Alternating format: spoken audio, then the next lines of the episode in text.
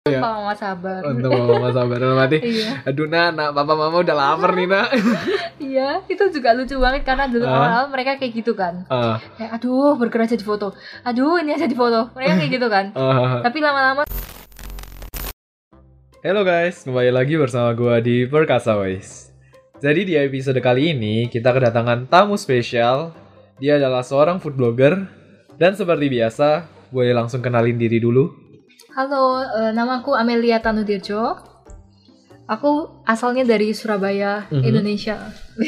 Iya, iya, Surabaya itu di Indonesia, Mel, betul. Iya. Siapa tahu ada yang nggak tahu gitu di mana. Boleh. Terus eh, dulu aku datang ke Taiwan dari tahun 2015 dan tujuan pertama datang ke sini untuk melanjutkan studi S1 Mhm. di Mingchuan University ambil yang International Business and Trade. Oke. Nah, kalau lihat dari Instagram Amel nih, Amel itu suka banget ngepost foto makanan. Boleh tahu nggak sejak kapan Amel itu udah mulai sadar atau aware kalau Amel itu suka foto foto-foto makanan? Dan sejak kapan sih mulai decide, oke, aku bakal jadi, aku mau jadi food blogger gitu?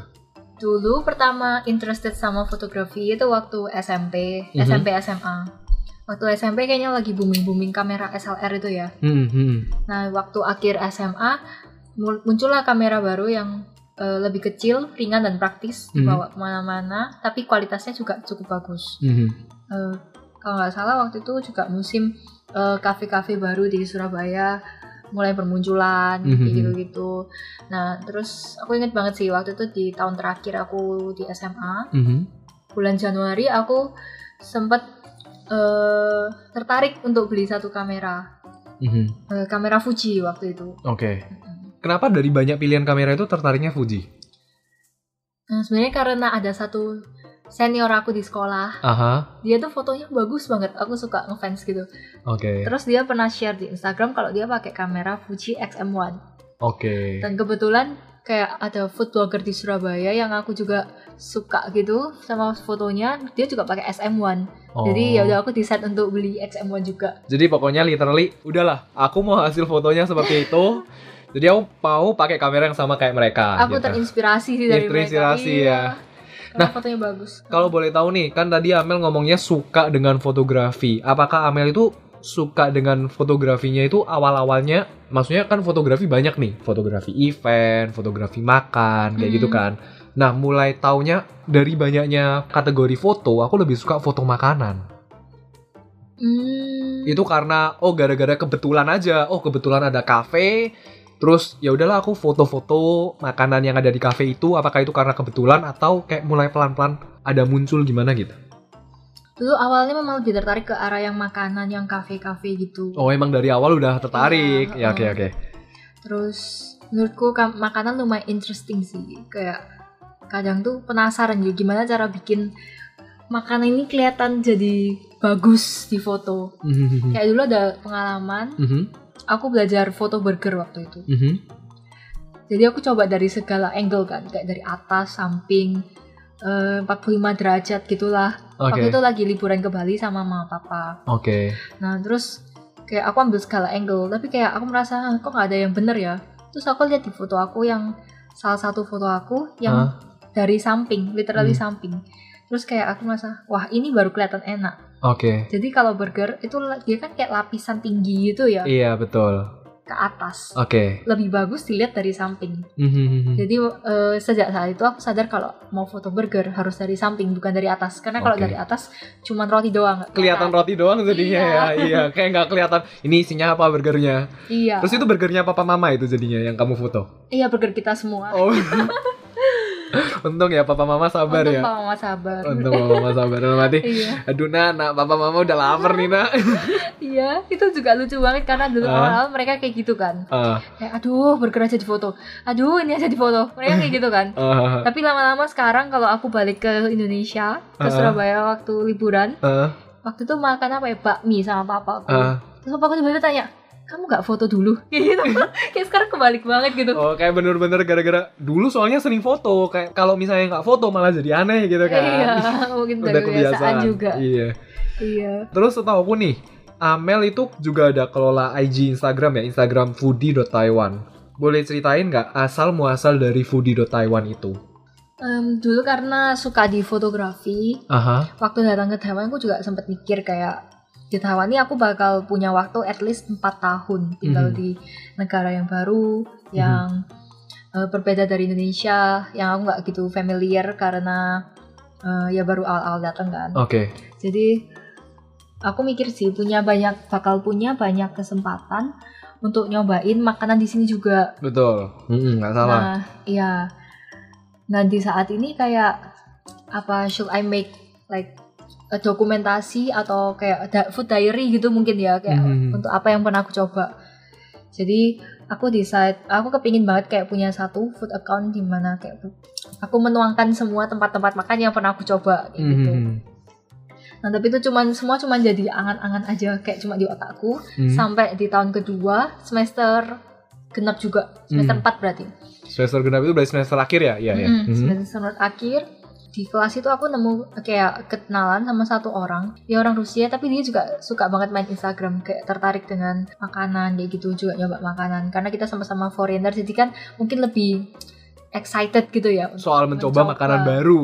Iya. Mungkin kebetulan soalnya temanmu ini juga ada interest yang sama dengan kamu yaitu di soal makanan dan Instagram. Gitu. di foto iya Hmm. heeh. kayak gitu terus akhirnya ya ngomong-ngomong-ngomong oke ya bolehlah bikin account yang bar- baru gitu barengan Oke, jadi kayak istilahnya kita eh kita tuangin bersama tujuan kita di satu Instagram itu yang bernama foodie.taiwan. Ya, yang lebih ke food Ada nggak pengalaman boleh bebas sih pengalaman lucu mau pengalaman lucu mau pengalaman aneh atau mungkin bahkan pengalaman yang menjengkelkan yang bisa dibagikan ke kita ketika Amel menjadi food blogger. Misal nih sebelum foto makanannya tumpah atau apa atau atau gimana gitu. selama tiga tahun ini ya Iya. kurang lebih memang sudah banyak pengalaman yang cukup unik, yang aneh-aneh dan banyak lah yang terjadi. Oke. Heeh. Makanan tumpah juga sudah sudah pasti ada. Biasanya sih mereka eh, akan menoleransi sih ya. Mhm. Kalau misal tumpah-tumpah gitu. Dulu pernah pergi ke satu restoran Hong Kong gitu ya. Oke. Kita udah foto-foto gini, udah foto-foto di satu kayak di satu meja, udah full set gitu. Mhm. cekrik cekrik cekrik cekrik terus waktu itu tiba-tiba pemiliknya itu punya kucing Oke. kucingnya itu tiba-tiba lari ke atas meja terus kayak jatuhin salah satu untungnya cuma satu salah satu makanannya Untungnya cuma salah satu makanan Iya. dan itu udah beres foto kan? Kondisinya udah beres foto atau sebenarnya belum beres fotonya? belum beres lagi foto Oh lagi foto. Jadi ini lagi proses foto, terus Iya. tiba-tiba ada kucing lewat tiba-tiba. iya Oke. tiba-tiba kucingnya tuh langsung aja naik gitu ke atas mejanya terus kayak kita semua juga panik kan kaget gimana nih Eh, terus Amel takut kucing nggak? untungnya enggak Untungnya aja, Oke. iya. Oke, terus terus ada satu makanan yang dia senggol gitu nggak sengaja tuh jatuh sama piringnya pecah dan makanannya juga tumpah pasti pasti soalnya piringnya oke. Iya, piringnya piringnya pecah Mel. Makanannya kalau nggak tumpah Iya, iya, makanannya iya. itu keren sih. iya iya Eh. pokoknya kayak tumpah gitu Eh, terus kan waktu itu kita foto di lantai dua Oke. lantai dua waktu itu kosong nggak ada customer Ah. customernya semua di lantai satu jadi Ah, ah. tiba-tiba pemiliknya naik kayak ngelihat apa yang terjadi gitu. Terus kayak kita jelasin ini kucingnya tadi tiba-tiba naik terus nggak sengaja tumpah kayak gini-gini. Oke. terus dia dibilang oh ya sorry ya kayak gini-gini. Terus kita bikinin yang baru aja kayak Ah. gitu. Ya itu maka cerita makanan tumpah. Terus kucingnya akhirnya tetap dibiarin di lantai dua atau ya udah dibawa oh lantai enggak enggak dong. Tetap dibiarin jangan lantai jatuh ke lubang yang sama dua kali kan? Jadi kucingnya diambil sama apa pemiliknya. Sama pemiliknya oke Emel aku ini jadi tiba-tiba kepikiran ya ada kan Amel pas foto-foto gitu kan jadi food blogger Iya. gitu kan. Ada nggak pernah menemuin tantangan? Aduh aku nggak pede nih. Aku bakal bisa fotoin makanan dari partner itu bisa jadi bagus gitu. Pernah nggak menemui tantangan ini? Atau sebenarnya ya udah sejauh ini pede-pede aja gitu sejauh ini menurut aku karena kita lebih ke platform yang nyoba sesuatu gitu ya dan Ah. menjelaskan apa kelebihan dari mereka oke jadi chill-chill aja sih kalau aku oke oke. cuma lebih ke arah kadang kalau restorannya gelap Ah. terus perginya kalau perginya malam itu kan untuk foto bakal kurang bagus ya Iya, soalnya foto harus ada cahaya. Maksudnya Benar. semakin ada cahaya ya semakin bisa maksudnya bisa Wah, semakin pengalaman bagus. fotografer. Iya. Terus, Hah? Nah, terus akhirnya kita sekarang punya solusi sih untuk hal itu. Jadi Heeh. kita udah ada lampu, kayak bawa lampu itu kalau misal gelap ya kita pakai lampu itu. kita pakai lampu sendiri. Mm-mm. Tapi pertanyaanku mungkin lebih ke ini sih Mel.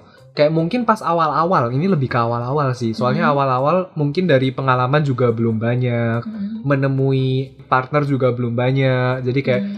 pasti ada suatu situasi di mana aduh aku nggak tahu mau melakukan apa untuk melewati masa-masa ini terus untuk melewati masa-masa di mana aduh ini enaknya sudut dari dari sudut mana ya diambilnya apakah ada rasa tidak percaya diri itu gitu atau sejauh ini sebenarnya ya udah nggak apa-apa selama aku ada prepare sebelum aku datang ke tempat partner aku ada prepare aku ada review review YouTube mungkin review di Pinterest juga selama aku ada prepare aku bakal siap di hari H pas foto itu Ada sih awal-awal Hmm. mungkin agak kayak nervous gitu Iya ya. iya iya ini nervous ini. banget. Iya gimana cara Amel itu kayak mengatasi rasa nervous ini?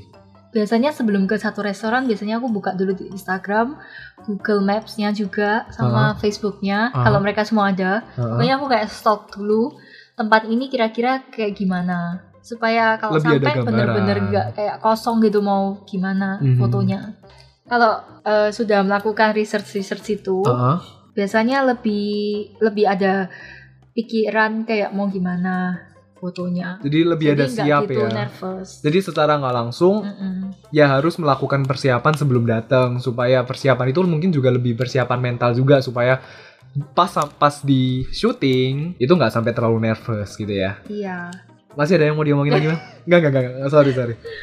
Em, mungkin kadang yang lebih nervous lagi itu kalau foto buffet sih. Makanan buffet karena makan buffet itu kan banyak jenisnya ya. Terus menurutku kita harus memilih dengan pintar makanan apa yang kelihatan bagus, yang kelihatan enak dan cocok untuk difoto kayak Mhm. gitu. Nah gimana Mel cara memilihnya? Oh. Dari pengalaman ya itu ya? Dari pengalaman ya. Biasanya kalau datang lihat dulu sih makanannya mereka ada apa aja. Terus kalau memang ada beberapa kayak yang spesial, misalnya beberapa makanan di Taiwan ini mereka selain menyediakan buffet juga bisa kayak order satu tantin. Mhm. kayak ala carte gitu mereka siapin satu stick atau satu apa gitu jadi selain uh, side dish side dish ini mereka memberikan kita kebebasan untuk having one design meal gitu Oke oke oke. Mm-mm. Dan itu berdasarkan dari pilihannya Amel gitu ya. iya Mhm. dan satu design meal ini kalau memang itu yang mau mereka promote ya kita bakal taruh itu di tengah maksudnya kayak itu yang bakal jadi covernya lah at least Mhm. jadi orang sekali lihat langsung tahu kalau misal ini uh, yang spesial Oke. dari restoran ini Iya gitu. secara nggak langsung ya soalnya kan iya posisinya gimana gimana orang fokusnya di tengah dulu. Mm-mm. Nah jadi kenapa aku tadi tanya pertanyaan itu soalnya aku memposisikan diri aku sebagai fotografer nih ya. Misal ada ketemu partner juga atau klien minta difoto. Biasa kalau misalnya aku menemui mereka kayak sebelum menemui mereka aku bakal nervous juga gitu loh Mel. Mm-mm. Dan yang biasa aku lakukan kayak aku mesti ngerjain PR aku dulu.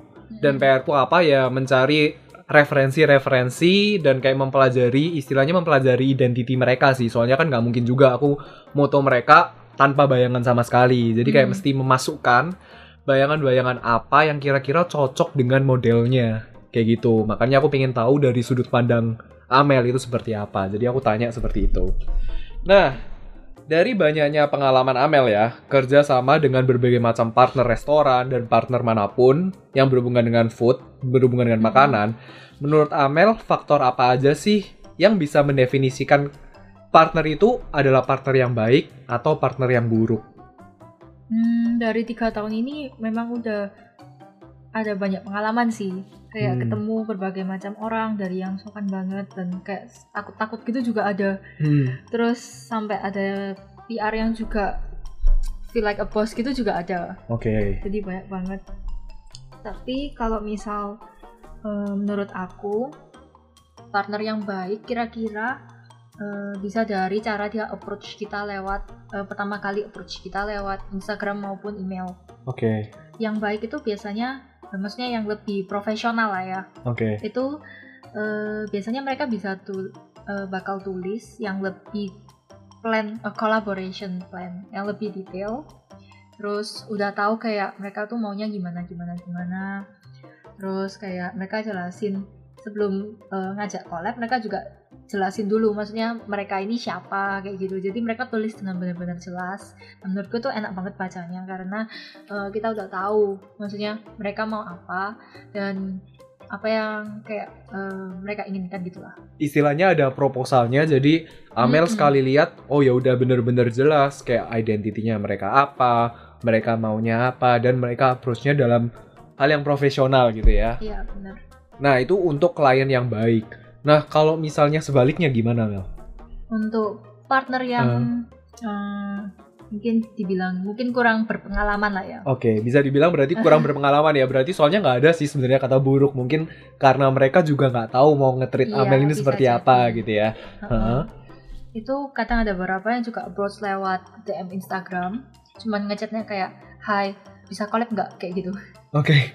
Dan kalau mungkin karena itu di tulisan ya jadi kelihatannya tuh lebih kensyong Oke, jadi mungkin padahal menurut mereka sebenarnya mereka mau mencoba friendly Mungkin gitu atau jadi. mungkin mencoba untuk kayak "Eh, aduh aku ya sebenarnya nggak tahu gimana cara approach-nya dan daripada Iya. banyak mikir, ya udah gimana kalau aku langsung chat, Chat, aja karena gitu. mungkin Instagram itu bisa kayak langsung approach orang itu kan Iya. kayak langsung chat gitu pandangan orang mungkin beda terhadap Instagram. Mm. Nah, gimana Amel mengatasi situasi seperti itu? Apakah Amel nggak bales atau Amel kayak, woi sopanan dikit bisa nggak gitu?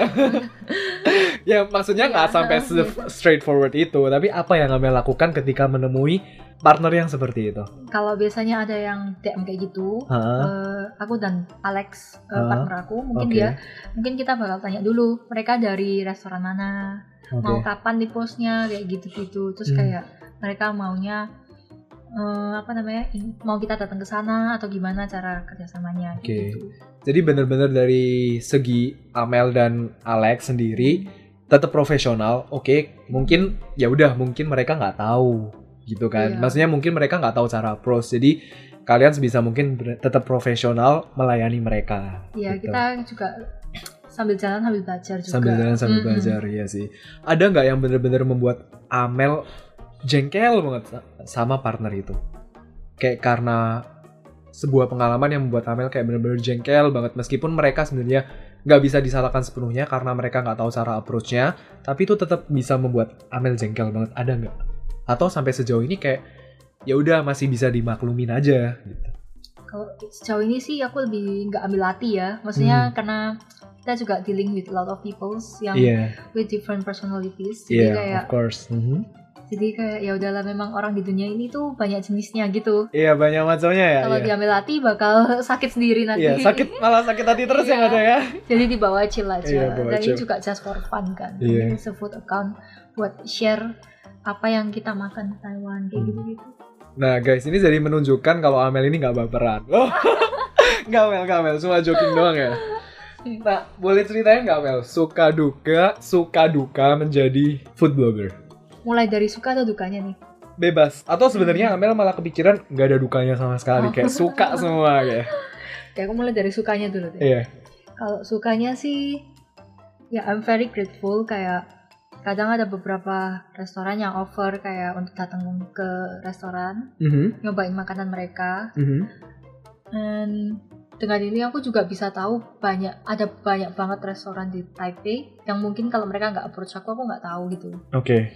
Mm, Jadi bisa dibilang mungkin dapat berkat makanan gratis ya Dapat berkat dan- makanan iya, gratis dan ya. bisa nyobain berbagai jenis makanan misal dari kayak nggak dari makanan Taiwan doang di Taipei ini sangat beragam karena ini kan apa namanya pusat kota ya kadang ada makanan dari Western Spanyol Brasil yang kayak tacos-tacos gitu itu juga Iya. banyak banget sih Pokoknya dari semua hampir dari berbagai macam Iya. negara ada gitu ya. Heeh, dan kayak ya I feel very grateful karena eh, bisa nyobain banyak makanan terus selain itu Nah, Mel, bisa Iya. nyobain banyak makanan. Sampai sejauh ini, tiga tahun ini, Amel ngerasa nggak? Udah, Amel pede nggak? Udah mencoba mungkin hampir 99% restoran di Taipei gitu.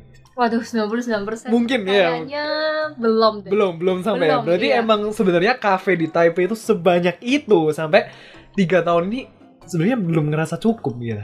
Iya, Nggak cuman kafe, tapi Ah. kayak semua makan Taipei itu ternyata banyak banget Oke, sih. iya sih nggak cuma Iya. kafe lah, nggak terbatas di kafe. Hmm. Lanjut Mel. Lanjut, oke. Ah. Sukanya juga bisa kenal dengan banyak orang yang punya same interest, Oke. terutama di Taiwan. Jadi kayak kadang misal ada event apa, terus bisa kenal sama food yang lain, eh, foodie yang lain kayak gitu. Itu juga menurutku sesuatu yang eh, menjadi suka di dunia ini. Soalnya jadi ada kerasa ada komunitas ya, jadi Iya. ngerasa nggak sendiri gitu Iya ya. benar. Food blogger di Taiwan itu kalau boleh tahu banyak kah Mel? Selain Amel dan Alex sendiri, banyak kah? Ah, banyak banget sebenarnya di Taiwan itu. Oke. Cuman mungkin kadang eh, ada language barrier ya. Jadi Iya. mereka tulisnya dalam bahasa Mandarin gitu. Oke, jadi Hmm. mungkin dari orang yang internasional, istilahnya sudut pandang internasional kan, karena kita orang internasional, Mm-mm. mungkin karena ada language barrier itu, jadi kita nggak melihat itu, jadi kayak nggak aware. Benar, benar. Oke. Kalau dari sudut pandang aku, menurut aku di Taiwan ini food bloggernya eh, terbagi jadi dua jenis ya. Hmm. Maksudnya satu tuh yang tulisnya pakai Inggris, satu tulisnya pakai Mandarin. Hmm. Dan yang Inggris sendiri biasanya mereka lebih ke westernized gitu. Oke, berarti mereka istilahnya Banyak mem- ke- bukan membranding ya, tapi ya emang mereka mau dilihat sebagai western gitu. Mm-mm. Hmm. Mungkin kayak karena mereka juga tinggal di US dulu mungkin kali Oke, ya. Mm-mm. heeh. Jadi terus kayak Taiwanese American gitu. oke, Hmm. Jadi makanan yang mereka makan juga kadang itu bisa dibilang lebih kauci, oke. lebih apa ya Pokoknya lebih high, High class. Iya high Ya, class high class gitu. lah. Sementara yang Taiwan-Taiwan tuh kadang mereka lebih suka eksplor yang xiaoci punya. oke. Jadi makanan kayak snack-snack Taiwan atau makanan karena Taiwan kan juga terkenal dengan makanan kecil makanan kecilnya ya. Iya, Kalau maka banyak makanan kecil. night market itu banyak nyoba-nyoba makanan sosis lah apa-apa gitu. Nah sebenarnya Taiwan ini banyak banget selain di night market itu juga ada gitu dan yang bagian tulis dalam Mandarin ini suka lebih suka menjelaskan dari sisi xiaoci-nya gitu. Oh, oke. Dan nah, Ta- Taiwan ini sendiri memang suka untuk makan xiaoci gitu. Iya sih emang Iya. mereka lebih suka makan makanan yang kecil nggak sampai Hmm. iya iya betul. Kalau misalnya foodie.taiwan sendiri ini posisinya di western kah atau Taiwan kah atau menurut Amel? Kalau menurut aku kita bisa masuk ke dua-duanya sih. Oke, jadi kayak literally kayak mungkin di tengah-tengahnya ya, di tengah-tengah kali ya, Ah, iya. ah. karena eh, kita juga captionnya kan dalam Inggris dan Mandarin. Hmm, Mm, jadi itu kita bisa masuk ke dua-duanya. Memang benar ya bahasa itu bisa membuka suatu culture yang baru, Iya. suatu dunia yang baru. satu dunia yang baru betul. Mm-mm. Ada lagi nggak Mel tentang suka duka menjadi food blogger? Tadi masih sukanya doang sih. Oh iya tadi baru Atau- suka doang iya, ya. nggak apa-apa sih kalau misalnya Amel emang mau kayak sharingin semua suka-sukanya. Jadi siapa tahu bisa menginspirasi pendengar-pendengar kayak oke aku jadi juga tertarik nih mau jadi food blogger gitu. Eh, dukanya mungkin lebih ke arah kamera it's first ya kalau setiap kali pergi makan. Oke. Jadi harus sabar sedikit, oke. sabar sedikit. Heeh. Waktu tiba makanannya, kayak kita nggak bisa langsung makan panas-panas gitu. Wajar sih, wajar sih. Hmm, ha. mungkin mostly udah dingin sedikit lah. Oke. Tapi istilahnya kan yang namanya orang pengalaman ya, semakin bertambahnya pengalaman berarti kerjanya juga semakin cepat. Oh iya. Iya kan? Apakah sampai sekarang Amel juga masih menemui masalah itu gitu kah? Sebenarnya sekarang kalau pergi kadang udah tahu sih. Oh nanti kalau makanan datang mau foto di sana, minyak diangkat, cekrek cekrek cekrek, udah. Udah gitu. Berarti secara nggak langsung dukanya udah mulai berkurang dong. Soalnya makanannya masih hangat nggak sih? Mulai berkurang ya, Oke. mulai berkurang. Cuman kalau kadang kita kan pengen melakukan yang terbaik ya. Iya. Jadi kayak kita fotonya banyakkan sedikit. Oh iya. Takutnya kalau misal ada kurang apa-apa gitu. Lebih ke backup buat kita sendiri Iya, juga ya, buat iya. buat Amel sendiri juga. Ini kalau misal kayak pergi sendiri nyobain makanan-makanan, kita sudah langsung sudah tahu. Oh aku mau foto kayak gini, cekrek cekrek udah. Aku mau makan panas-panas kayak gitu. Oh. Boleh tahu nggak Mel? Sampai sampai saat ini foto makanan paling cepat itu berapa menit? Atau mungkin bahkan detikan kayak kayak oke ini udah beres, ini bisa langsung post. Paling cepet ya. Iya, paling cepet. Sejauh ini, recordnya berapa lama? Amel, Amel pernah hitung nggak? Sebenarnya nggak pernah ngitung sih. Oke. Cuman Kira-kira deh, kira-kira kira-kira. mungkin dua menit ya. Dua menit. Itu udah, istilahnya udah beres, oke kita pulang gitu. Oh beres kita makan. Oh iya sih, iya. beres. Iya, iya betul. Beres fotonya kita makan.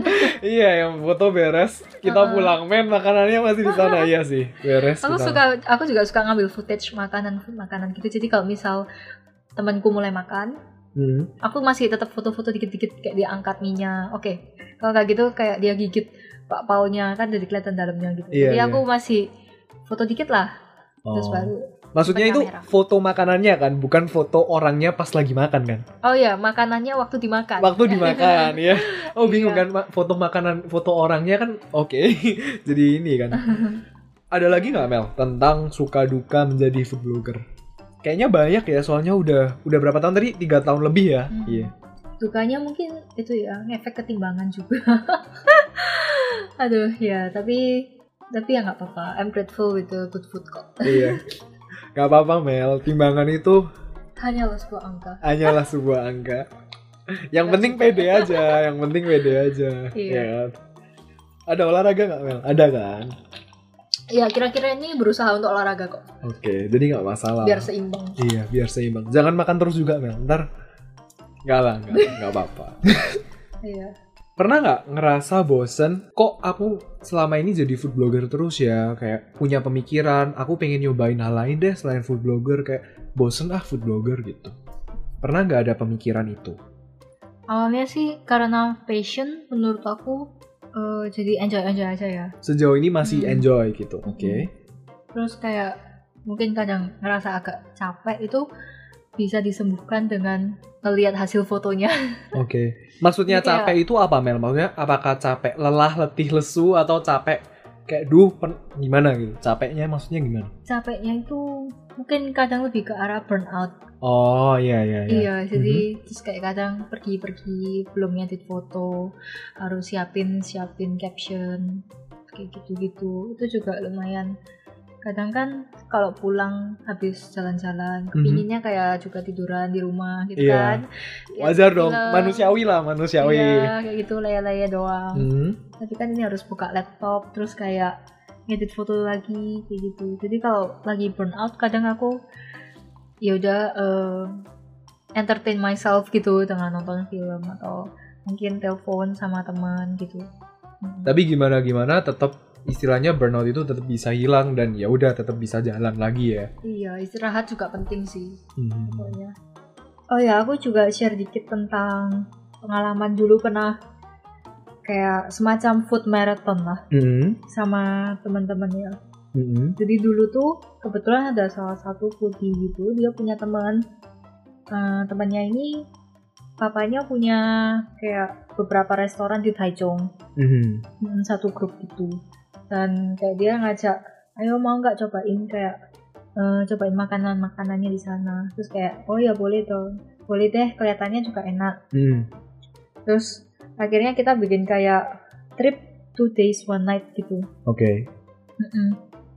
Waktu itu Di Taichung ya itu. Minggu. Iya di Taichung. Hmm. Jadi pagi berangkat, siang lunch di sana, habis gitu setelah lunch kita ada dinner lagi. Kalau nggak salah itu totalnya ada empat restoran. Jadi waktu sampai ada lunch, dinner, besoknya makan breakfast lagi, terus lunch.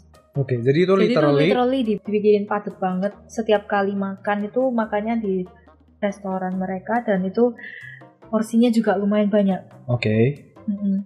Dan Dan itu kalian habisin semua. kita ya berusaha lah. Oke. Pokoknya gimana pun ya istilahnya makanan udah dihidangkan selain untuk difoto tapi makanan itu kalau bisa dihabiskan ya dihabiskan. Mm-mm. Tapi kita juga nggak maksa kalau emang foodnya udah nggak cukup ya Oke. udah. Kalau nggak udah bisa jadi kayak balon kayaknya. Iya jadi terus dari pengalaman itu kayak kalau dipaksain kayak gitu, maksudnya juga nggak enak gitu. Hmm. Makanan juga nggak akan terasa enak. Oke, soalnya jadi Mm. ngerasa malah ada tekanan ya, tekanan Hmm. batin juga ya. Ya sedikit mungkin ya. Oke. Jadi dari pengalaman food marathon itu karena Amel ngerasa aduh pagi siang malam nggak cuma foto tapi karena hidangannya juga banyak mesti ngabisin banyak makanan jadi ngerasa malah nggak enjoy gitu ya. Mm-mm. Jadi ngerasa mungkin malah nggak balance gitu hidupnya malah ini kok hidupku kok malah kerja kerja kerja gitu ya. Ada perasaan seperti itu ya berarti ya. Mm-mm. Kayak too much of something juga Oke. nggak nggak- bagus. Mm-mm.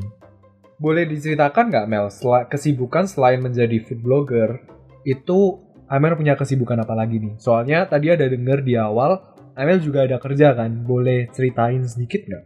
Mm-mm. Eh, sekarang aku kerjanya di salah satu martech company di Taiwan. Hmm. and it's a full time job Hmm. jadi like a 9 to 6 Hmm. Mm. Jadi company aku ini mereka bikin suatu software di mana dengan software ini bisa langsung bikin mobile website. Sebenarnya nggak terbatas dengan mobile doang sih, juga bisa uh, komputer juga website, tapi more to like a campaign website. Jadi yang uh, satu lembar doang gitu.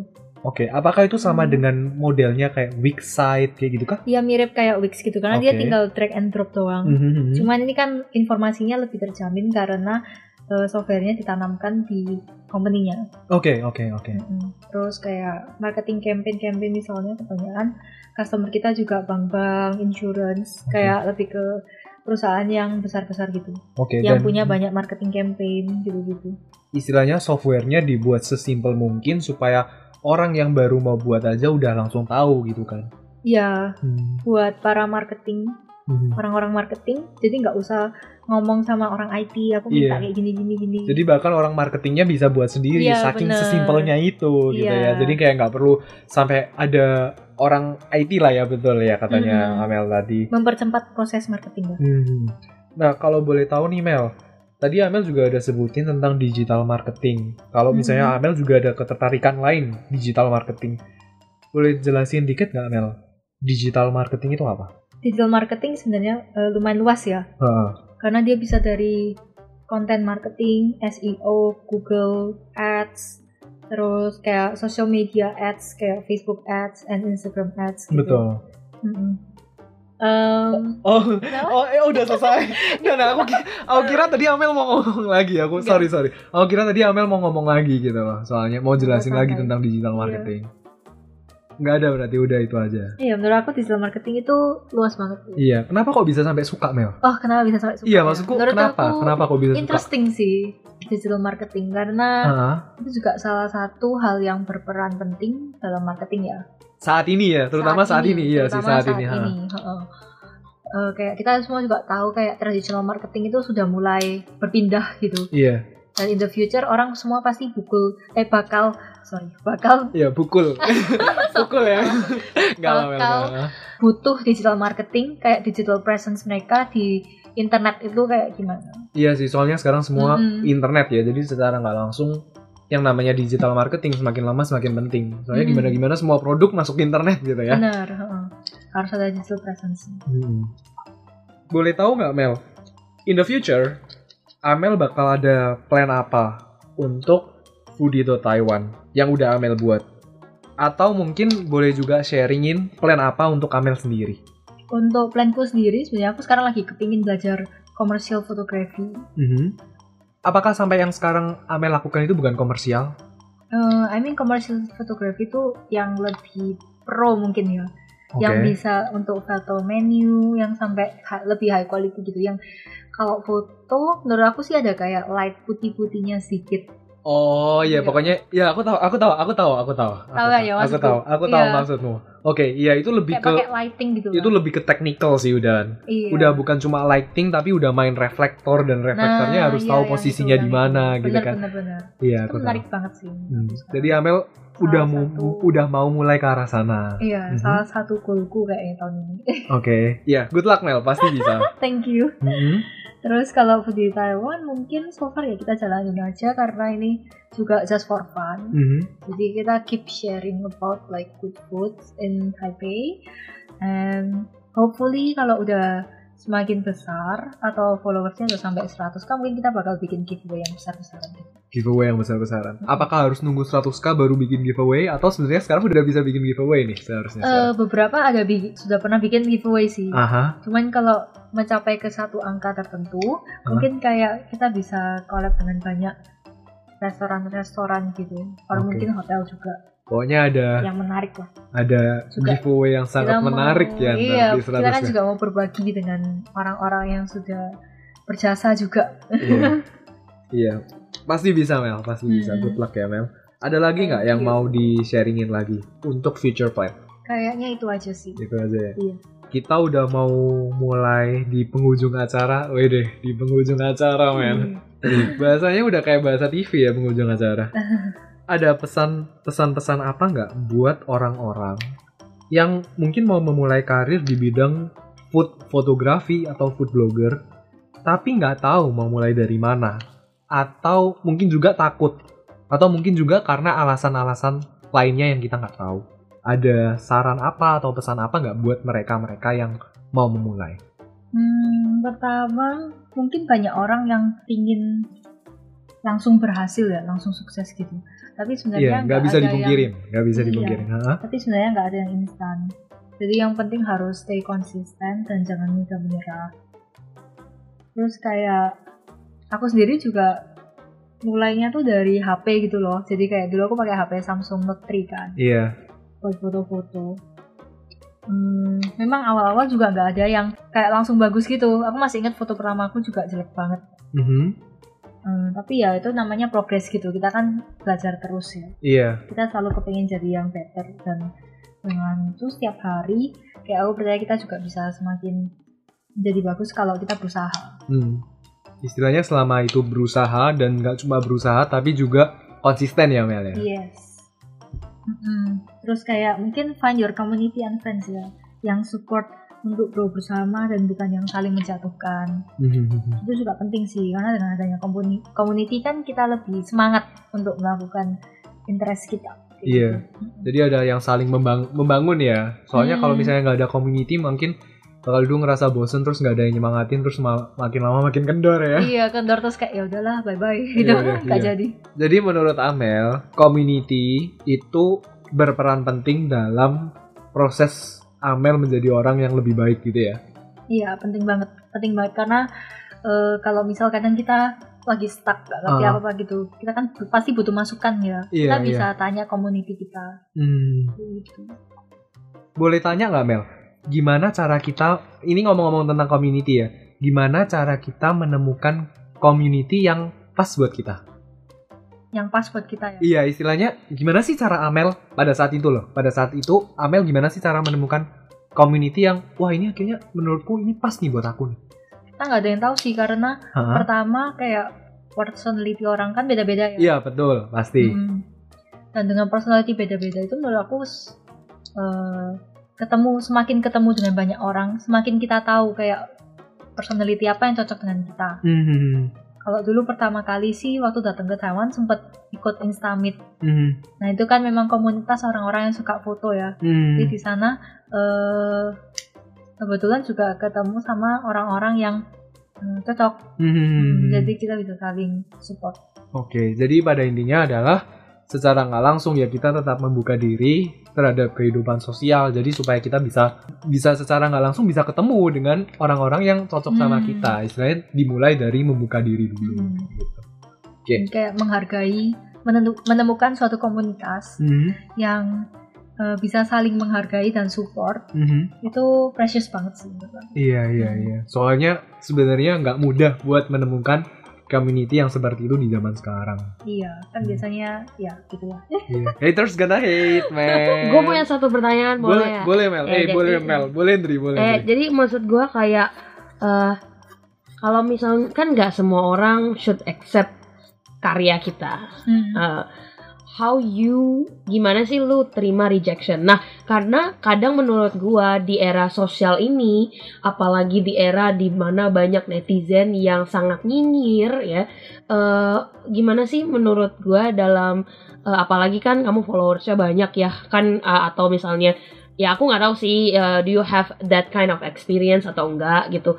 Eh, how you take it yourself? Misalnya kayak eh, gimana sih cara mungkin untuk yang baru-baru yang baru-baru mulai ngepost gitu kan? Kan hasilnya seperti yang Amel bilang nggak langsung bagus gitu loh. Nah, uh, how do they need to take the rejection? Karena kan rejection itu sangat keras menurut apalagi buat orang yang awal-awal. Nah, uh, saran dari Amel sendiri buat uh, mungkin teman-teman yang masih muda yang mungkin kan pengen butuh dukungan juga nih selain dukungan ya mungkin menurut Amel gimana sih uh, how how for yourself to take any rejection misalnya atau uh, take kritikan dari orang lain gitu. Hmm. Hmm, kalau menurut aku kritikan itu masuk akal, maksudnya bisa membangun untuk ke depannya. Ya nggak apa-apa, aku akan terima aja, terus kayak coba lakuin kayak better in the future kayak gitu. Tapi kalau nyinyirannya kayak yang nggak penting gitu, maksudnya ya gak ada faedahnya gitu ya bakal aku ignore sih. Buat apa juga ditanggap misalnya nggak baik. Oke, oke. Soalnya kan Iya. uh, nowadays gitu ya kan, uh, apalagi kalau orang-orang yang kerja di art itu banyak banget kadang-kadang mungkin menerima uh, rejection ataupun kritikan dari orang lain. Oh, misalnya uh, dia baru-baru mulai-mulai foto dikritik bahwa oh gambarnya jelek atau gimana gitu. Soalnya kan nggak mungkin dari pendengar juga ada yang pernah mengalami uh, rejection kali ya kan kita nggak pernah Hmm. tahu makanya kan uh, kalau Satria sendiri nih how you take rejection nah kita balikin ke yang punya acara deh Oke.